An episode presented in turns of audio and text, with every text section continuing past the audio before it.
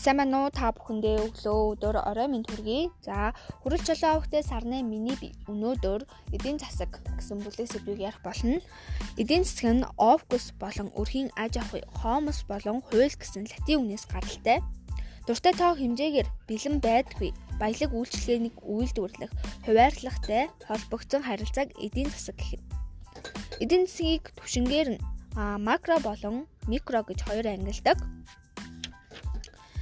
Макро эдийн засгийн үндэс нь тухайн улсын хэмжээгээр нэг жилийн хугацаанд үйлдвэрлэсэн эцсийн бараа үйлчлэгээний зах зээлийн үнийн дүнг дотоодын нийт бүтээгдэхүүн гин. Дотоодын нийт бүтээгдэхүүн нь орлогоор борлон зарлагаар тооцох гэж хоёр ангилдаг. Ам дотоодын нийт бүтээгдэхүүний зардал гэдэг нь гадаад хэрэглэгчийн зардлыг тооцохдоо экспортын орлогоос импортын зардлыг хасаж цэвэр экспорт экспортод тооцохыг хэлнэ.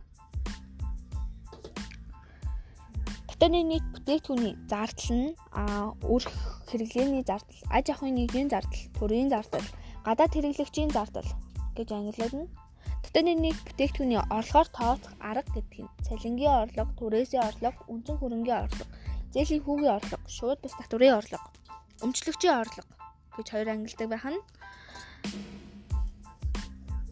Макро эдийн засгийн асуудлууд нь хоёр тулгуур ойлголттой ажилгүйдлийн зарчим энэ а мөчлөгийн мөчлөгийн ажилгүйдэл, шилжилтийн ажилгүйдэл, бүтцийн ажилгүйдэл, улирлын ажилгүйдэл гэж ангилагддаг. Инфляц нь үлээх, хөөрөгдөх гэсэн утгатай эдийн засагт бүтээгдэхүүн үйлчлэгээний үн ерөнхийдөө өсөж хүн амын худалдан авах чадвар буурах үзэгдлийг инфляц гэнэ. Эрэлтийн инфляц гэдэг нь их хэмжээний мөнгө харьцангуй бага хэмжээний бүтээгдэхүүнд ноогдох болж эрэлтийн хэмжээ нийлүүлэлтийн хэмжээнээс давж үн өсөхийг эрэлтийн инфляц гэнэ. Зардлын инфляц гэдэг нь эрчим хүч, үр тариа, бензин, шатхуун зэрэг үйлдвэрлэлийн чухал нөхцлүүдийн үн эсвэл цалин хөлс өсөх үед үн өсдөг. Үүнийг зардлын инфляц гэнэ. Инфляцийн төрөл нь гиперинфляц, мөлхөө инфляц, цогоо инфляц гэж ангилагддаг байна. Үний өсөлтийн үнээс хамааруулж мөлхөө, цогоо, хэтрүү гэж ангилна. Засгийн газар болон бусад эрх бүхий этгээдээс гаргасан бүх төрлийн хувьцаа болон бонд түүнийг худалдах худалдаа авах эрхийн бичгийн нийтэд нь үнэт цаас гэнэ. Үнэт цаасын дотор нь бонд болон хувьцаа гэж ангилна. Хувьцаа энэ ямар нэг компани өмчийн тодорхой хэсгийг эзэмшиж буйг гэрчилсэн баримтыг хувьцаа гэнэ. Бонд гэдэг нь тодорхой хэмжээний мөнгийг тогтоосон хугацааны дараа зохих хүүтэйгээр эргүүлэн төлөхөө амлаж байгааг баталсан үнэт цаасыг бонд гэнэ. Санхүүгийн зах зээл гэдэг нь үнэт цаас мөнгө зэрэг санхүүгийн хэрэгслүүдийг худалдаа худалдаа авах үйл ажиллагааг санхүүгийн зах зээл юм.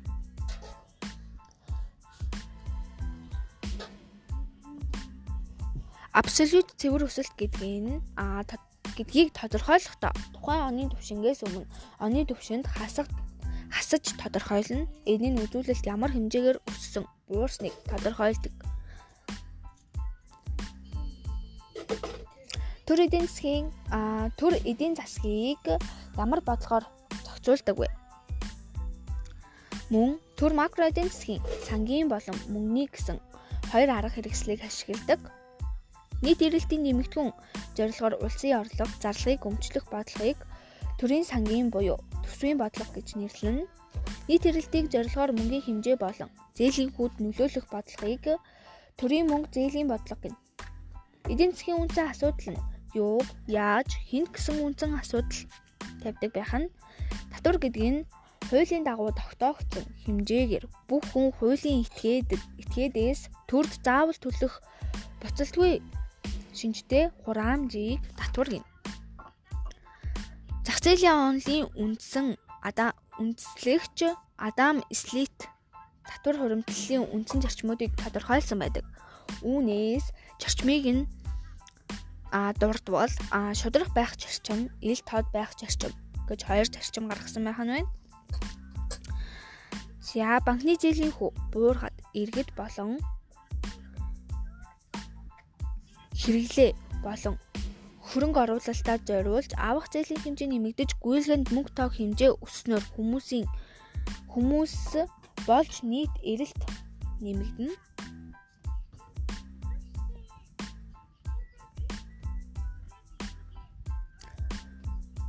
Улс орнууд хооронд бараа үйлчлэгээ шилжүүлэх хөдөлгөөнийг олон улсын худалдааг нь экспорт, импортыг нийлбэрийг гадаад худалдааны бараа эргэлт гэх нэ. Гадаад худалдааны орлогоос экспорт, гадаад худалдааны зардлыг импорт хасаж гадаад худалдааны ашиг алдагдлыг тодорхойлдог байна.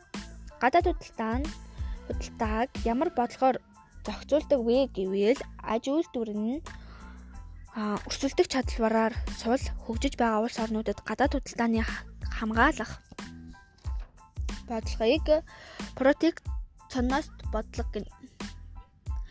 Бусад улс орнуудыг тогтоосон худалдааны харилцаанд зохицуулах зорилгоор төрөөс авч хэрэгжүүлж байгаа арга хэмжээний нийлбэр зохицыг гадаад худалдааны бодлого гэнэ.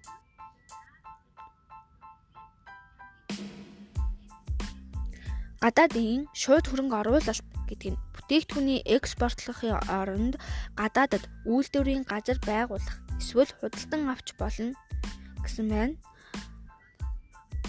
Эдийн засгийн хөгжил нь төрийн эдийн засгийн бодлого нь тухайн орны эдийн засгийг хөгжүүлж, иргэдийн сайн сайхан байдлыг дээшлүүлэхэд чиглэдэг. Мөн бодит дотоодын нийт бүтээгдэхүүний өсөлт энэ нь тухайн улсын эдийн засгийн чадварыг харуулдаг. Хоёр нь нэг нэг хүнд ноогдох дотоодын нийт бүтээгдэхүүний өсөлт нь энэ нь тухайн улсын иргэдийн амжиргааны түвшинг илтгэдэг байх нь. Үүнийг эдийн засгийн хөгжил гэх нэ. Эдийн засгийн хөгжил нь эдийн засгийн өсөлтийг бодвол илүү өргөн хүрээтэй ойлголт бөгөөд дараах үзүүлэлтийг тодорхойлдог байх нь. Үүнд амжиргааны түвшин дээшилсэн, эдийн засаг нь өссөн, аж аж үйлдвэржилт болон бүтцийн өөрчлөлт бий болсон. Эдийн засгийн бие даасан байдал нэмэгдсэн. Ядуурлын түвшинг бууралсан. Доктортой өсөлт бий болсон. Мөн хүний хөгжил сайжирсан гэж үздэг байна. Дэлхийн улс орнуудыг хоорондоо бүтээгдэхүүн солилцох явцад үүсэж байгаа харилцааг дэлхийн зах зээл гэдэг. Олон улсын эдийн засгийн улс орнуудад эзлэх байр суурийг дараах шалгуур ойлголт тодорхойлж байна. Үүнд эдийн засгийн хөгжлийн түвшин, эдийн засгийн бүтэц, эдийн засгийн өсөлтийг өсөлтийн төрөл, гадаад эдийн засгийн хэлбэр. Дөрвөн шалгуур тодорхойлж байдаг байх нь